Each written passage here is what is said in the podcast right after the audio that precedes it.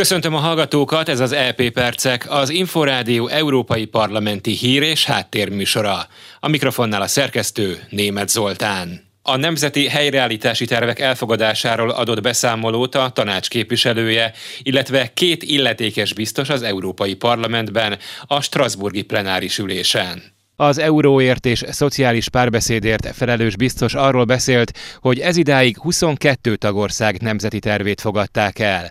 Négy állam, Magyarország, Lengyelország, Svédország, Bulgária terveit még értékelik, Hollandia pedig még nem nyújtott be nemzeti tervet. A holland kormány jelezte, hogy 2022 tavaszán tervezik véglegesíteni azt, tette hozzá Valdis Dombrovskis. Discussions continue with both Hungary and Poland.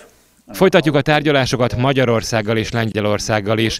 Célunk az, hogy pozitív értékelést adjunk ezekre is, amennyiben teljesülnek a folyósításhoz szükséges feltételek. Paolo Gentiloni gazdaságpolitikai biztos beszédében kiemelte, hogy az eddig elfogadott 22 terv kiegyensúlyozottan tükrözi a helyreállítási alap prioritásait. We have published the operational arrangement signed a tárgyalások és a vizsgálatok átlátható módon történnek. Nyilvánosságra hoztuk a Franciaországgal és Spanyolországgal megkötött operatív megállapodásokat is. Arra biztatjuk a tagállamokat, hogy ők is tegyék nyilvánossá ezeket az információkat. Célunk, hogy látható legyen, hogy az eszköz miként szolgálja a meghatározott célokat.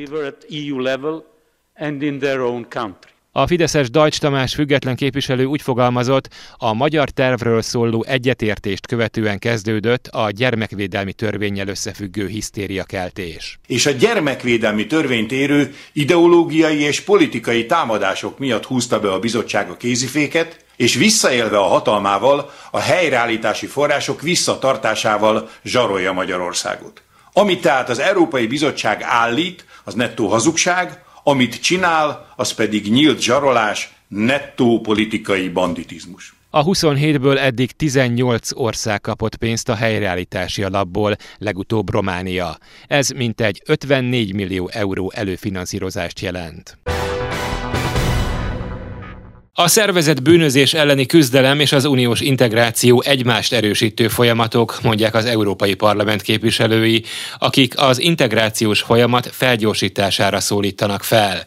A nyugat-balkáni szervezet bűnözés elleni közös fellépésről szóló jelentésben sürgetik a régió kormányait, hogy fektessenek nagyobb hangsúlyt a jogállamiság területén szükséges reformokra és a korrupció, valamint a szervezet bűnözés elleni fellépésre. Az uniónak pénzügyi segítséggel és gyakorlati együttműködéssel kellene támogatnia ezeket az erőfeszítéseket, vélik a képviselők. Az EP álláspontja alapján a Nyugat-Balkán egyben kiinduló ország célállomás és tranzitország az embercsempészek számára. Emellett menekültek és migránsok tranzit folyosójaként és pénzmosási, illetve fegyvercsempészi helyszínként is szolgál. Ezzel együtt az integrációs folyamat felgyorsítását szorgalmazzák, ugyanis a képviselők szerint a régió elszigetelése csak ösztönzi a bűnözést.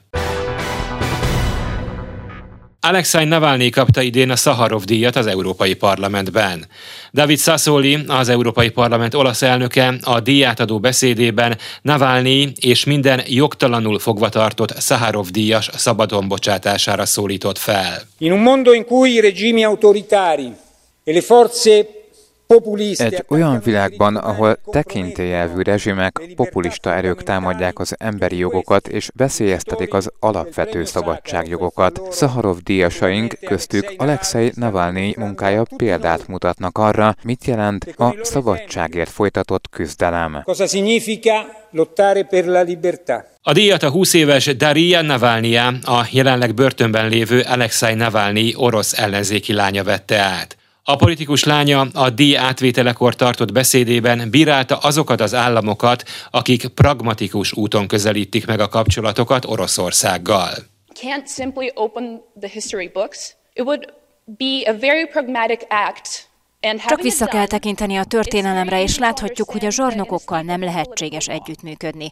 Nem elég kemény, elítélő nyilatkozatokat tenni, és utána, mintha mi sem történt volna, folytatni a párbeszédet. A Szaharov díjat 1988 óta minden évben olyas valakinek ítélik oda, aki jelentős erőfeszítéseket tesz, vagy nagy áldozatokat vállal az emberi jogokért, a gondolatszabadságért és a demokráciáért folytatott küzdelemben.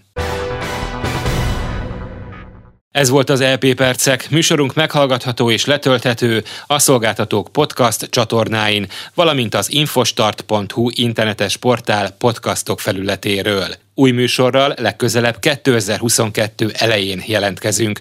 Addig is köszöni a figyelmüket a szerkesztő Német Zoltán.